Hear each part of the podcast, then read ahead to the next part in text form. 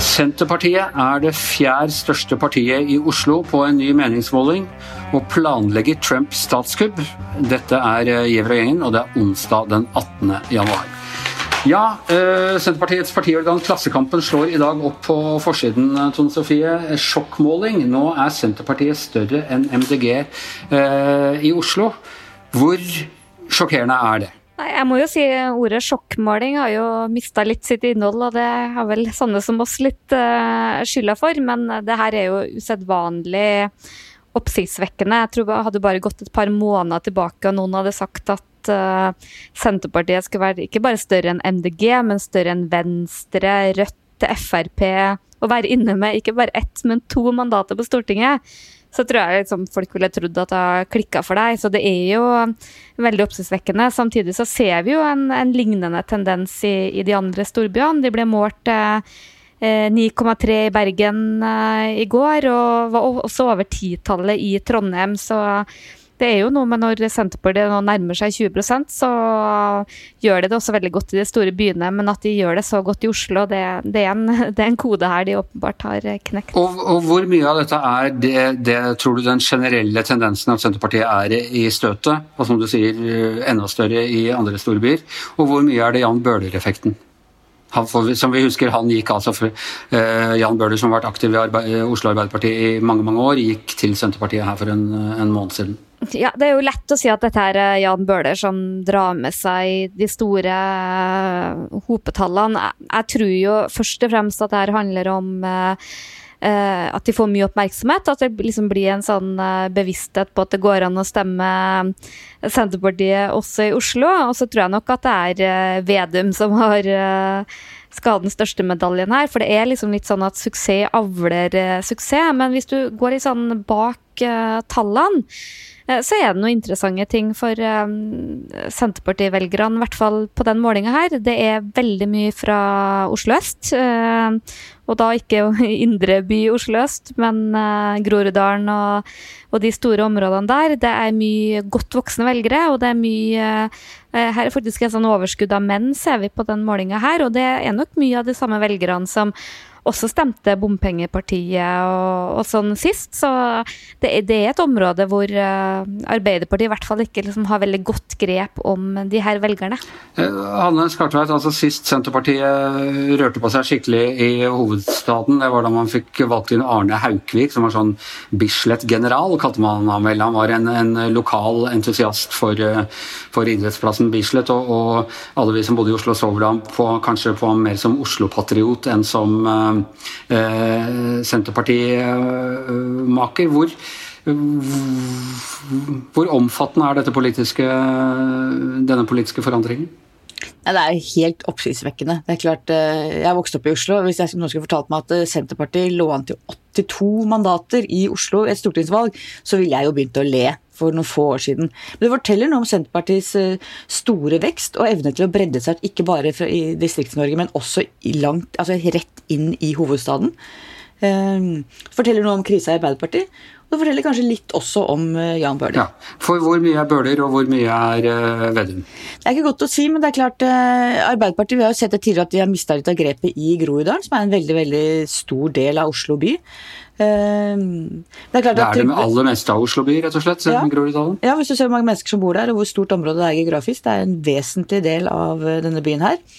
Eh, men det er klart at Trygve Slagsvold Vedum gjorde et kjempekupp ved å få Jan Bøhler over. Og de er jo rasende på han. De har slutta å si det høyt i Oslo Arbeiderparti at de er rasende på Jan Bøhler, men fortsatt tror jeg de er ganske sinte. Er det noen måte Tone Sofie, for Arbeiderpartiet å klare å kontre dette på? Uh, har de et valgapparat med folk som nå kan gå ut og banke på dører og overbevise Groruddalen at det er Arbeiderpartiet som er deres parti? og ikke bønda i Senterpartiet? Nei, jeg skal, skal, jo aldri si aldri, men uh, du ser jo litt av den uroa som er rundt nominasjonen i Oslo Arbeiderparti. Uh, hvor man er usikker på om det blir kampvotering på andreplassen. Uh, Uh, og, og, liksom vært litt sånn der, Det er nok et litt sånn uttrykk for at, at det, det, selv om det er mange flinke folk, så er det nok ingen sånn helt sånn åpenbare stjerner som de på en måte tror liksom kan bare kapre tilbake masse velgere. Så tror jeg Arbeiderpartiet av alle partier kanskje har Eh, mest å frykte med hvordan korona vil påvirke valget. Og, for det er jo et parti som er vant til å mobilisere, gå veldig mye på dører, snakke veldig mye med folk. Får vi nå en veldig annerledes valgkamp hvor mye mer blir digitalt og sosiale medier, så tror jeg kanskje særlig de, de etablerte partiene vil uh, ta på det. Men så, men så er det også litt med med hvordan Senterpartiet Du ser det nå. De snakker om, I går snakka vi om Senterpartiet som liksom prøver å ta en sånn rolle i abortsaken. I dag i Stortingets spørretime så Vedum er liksom den som snakker eh, Norwegian-ansattes eh, sak har bredda seg voldsomt ut. Og jeg, jeg, merker det også litt sånn, også litt personlig. Jeg har jo vært medlem av Senterpartiet, som ikke er noe hemmelighet. Og, og, og, og, før så var det nesten sånn at når jeg møtte folk i Oslo som, At jeg har vært medlem i Senterpartiet, det syns folk var fryktelig rart. Liksom, jeg, jeg, Hva er det som feiler deg, på en måte? Og jeg måtte liksom Ja, men jeg er nå fra Nord-Trøndelag, og, og uh, Mens jeg merker på en måte at det har skjedd et eller annet med at det å stemme Senterpartiet eller være medlem av Senterpartiet, det, det, er liksom, det er ikke like kuriøst eller noe man bare forbinder med Trøndelag eller et eller annet litt sånn rart. Da. Så det, det, har åpenbart skjedd noen ting der. Har jeg faktisk ikke tenkt på, slo meg nå når du sa det nå, du er litt kommentarens Jan Bøhler. Du har gått fra, fra venstresiden til Senterpartiet lenge før ja, ja. han gjorde det. Du starta denne trenden, egentlig. Jeg hvem vet. Eh, Hanne, du, du, og vi har tidligere snakket om at uh, den populistbølgen som du ser i alle land fra USA og over Europa i det hele tatt, i Norge ser ut til å manifestere seg i Senterpartiet, og at det er tross alt Skal vi først ha populisme, så er det for så vidt hyggelig at det er et uh, traust og rotfesta uh, og ordentlig parti uh, som Senterpartiet. Syns du det ennå, eller begynner det å bli for store til at du syns det er komfortabelt? Nei, Jeg har jo tidligere beskrevet uh, Trygve Slagsvold Vedum som en slags uh, vennligsinnet variant av Donald Trump. Jeg vet ikke hvor stor pris han satte på det, men det er klart at det er klart at Senterpartiet I disse dager så er vel det kanskje ikke noe kompliment, nei? hakkende gærent i USA. Men det er klart at Senterpartiet er noe helt annet. Det er et demokratisk parti rotfesta i demokratiske tradisjoner. Eh, vi kan liksom ikke sammenligne med den type populistbølger. Så jeg mener nok fortsatt at hvis det er den, dette utløpet den norske populismen får, så eh, Senterpartiet sitter i regjering med Arbeiderpartiet og SV. Det er et ansvarlig parti som har noen veldig sterke hjertesaker, distrikter og bønder, men ellers er det jo ganske sentrumsorientert og pragmatisk i det aller, aller meste. Kommer, eh, dette spørsmålet går til begge, kommer eh, Trygve Slagsvold Vedum til å gå til valg som statsministerkandidat? Jeg skrev jo for lenge siden at han kunne bli statsminister for Senterpartiet. Da var det mange som lo av det, men eh, jeg ser ikke bort fra det, jeg. Altså, hva tenker du, Tone Sofie? Jeg føler liksom at alt det man har ment og sagt før om Senterpartiet, er nesten ikke gyldig lenger. For det, mm, det er jo ingen av oss har liksom sett for oss denne situasjonen. Og jeg tror Senterpartiet er veldig sånn redd for å havne i den uh, situasjonen uh, og få liksom så mye søkelys på seg. For de kommer jo litt sånn heldig ut av uh, Får ikke så mye kritikk, og det er vanskeligere å være Støre om dagen enn det er å være Vedum, for å si det sånn. men når vi nå ser målinger hvor de nesten er jevnt store, så er det vanskelig å se for seg at ikke det også kan skje. Husk på at det ble jo veldig debatter Jens mot Jensen i sin tid, da Siv Jensen og Frp var større enn Høyre. Det var jo veldig kjipt for Erna Solberg. Og du kan jo se for den samme situasjonen at det blir Erna mot Trygve. Og i så fall så er Jonas Gahr Støre og Arbeiderpartiet enda større problemer enn de har vært fram til nå. Ja, for da mister de den, hvis de ikke lenger er hovedmotstander, så mister de den eh, oppmerksomheten og, og de fordelene det gir. Og det der er nok noe som verken Vedum eller Støre ønsker, den situasjonen. Ønsker, nei, Vedum ønsker det ikke fordi han de tross alt ønsker, de, de, borgerlige ønsker det. Ja, altså Vedum ønsker det ikke fordi han uh, han er så beskjeden at han vil la Jonas få ta det rampelyset. Det ikke, har ikke helt vært min tolkning av ham, men uh... Det passer ikke helt inn i hans profil å være sånn ansvarlig statsministerkandidat om dagen. Og, og de har jo vært knallharde på at de vil ikke snakke om uh, regjeringskonstellasjoner og, og posisjoner før valget, og, og, og, det gjør de nok uh, klokt i. Men jeg tror nok også det handler litt om posisjon. Er du på en måte statsministerkandidat, må du svare for mye mer og få mye mer søkelys på det. Mens i den utfordrerrollen han har, så har han uh, mye mer spillerom til å snakke om det han har lyst til å snakke om. Samtidig så har Senterpartiet alltid vært et parti som har søkt makt, så får de muligheten, så tror jeg nok de grabber den, ja. ja Kjell Magne Bondevik kunne være eh, statsminister i to perioder, så, så mener jeg at det er, det er godt grunnlag for han òg. Jeg vil tro at alle som tross alt er partiledere for stortingspartier i Norge, i hvert fall har lekt med tanken Han vil nok bli statsminister, men han vil nok ikke snakke så mye om å bli statsminister. Tror jeg er helt riktig. Ok, eh, da skal vi tilbake til eh, Nå holdt jeg på å si han, eh, han Hanne sammenlignet han med. Faen meg! Det var ikke sånn med Trygve Slagsvold Vedum! Det var ikke sånn med Nei, nei overhodet ikke. Nei, Trygve Slagsvold Vedum, du er mye bedre enn Donald Trump. La det være helt uh, klart uh, slått fast. Men altså Det er Vi nærmer oss nå to uker siden det ble klart at Donald Trump hadde tapt det amerikanske presidentvalget. Flere partifeller rundt ham har gjort det klart at han nå bør innse hva som har skjedd, gi, akseptere, akseptere valgnederlaget og, og bane vei for folkets valg. Men det gjør han altså ikke. Eh, han, eh, nå i natt så sa han opp han som altså er, var ansvarlig for valget, og for at dette valget eh, foregikk eh, i, i, ryddige former. Det er en mann han selv har utnevnt, en eh, republikaner, men da først og fremst fagmann med, med spesiale på, på, valgsikkerhet og cybersikkerhet eh, og denne ting. Og han, Vi har snakket om det nå lenge på, på morgenmøtene. Og nå har jeg vel lyst til å si ordet rett ut. altså Er Trump i ferd med å forberede et statskupp? Eh, vi hadde, har jo som du sier, hatt lange diskusjoner om det. Jeg tenker at han, gjør et, han legger i hvert fall til rette på en måte som gjør at det ser ut som det er et forsøk på et statskupp. Og så kan man diskutere om det vil lykkes eller ikke, om man faktisk vil prøve seg eller ikke. Men veldig mange av de handlingene han har gjort det siste, jo, kan jo se ut som forberedelser til et statskupp. Og igjen er vi tilbake der som jeg har sagt flere ganger, vi er sjokkerende, men ikke overraskende. Ja, og som vi snakket om her for en stund siden, det er jo vi er plutselig en situasjon hvor vi tenker at heldigvis vil det amerikanske militæret aldri, aldri godta det, men vi er altså der hvor, hvor det amerikanske øh, demokratiet eventuelt eventuelt må, må, beskyttes av generalene. Det er jo ikke helt komfortabelt, det heller. Men altså, noe av det vi vet han har gjort, er jo eh, at han har luftet i engere kretser muligheten for å få disse valgmennene som jo er de som egentlig utpeker presidenten. Det er de, de som ble valgt på eh, det amerikanske valget. Se, hva var det han sa, om det, om det, var lojale valgmenn som altså var villige til å stemme mot det mandatet de får fra velgerne og heller stemme på Trump. Og Du eh, skisserte også på morgenmøtet i dag også en annen eh, et skritt videre fra, fra, den modellen som Trump skal ha luftet? Ja, det han skal han også ha sagt på et valgarrangement i all offentlighet. På om det var i Pennsylvania, det er jeg ikke helt sikker på. Hvor han sa at sant, det er delstatsforsamlingene som sender valgmenn. Det er ikke alle av de som har lovbestemt at de skal sende representanter for det som faktisk er flertallet i deres stat. Så dersom Trump skulle fått overbevist det republikanske flertallet i tilstrekkelig mange delstater om å sende noen andre, eller ikke sende noen, eller stenge for de som faktisk eh, skulle representere den delstaten, så kan man komme i en situasjon hvor Biden ikke får det nødvendige 270 valgstemmene.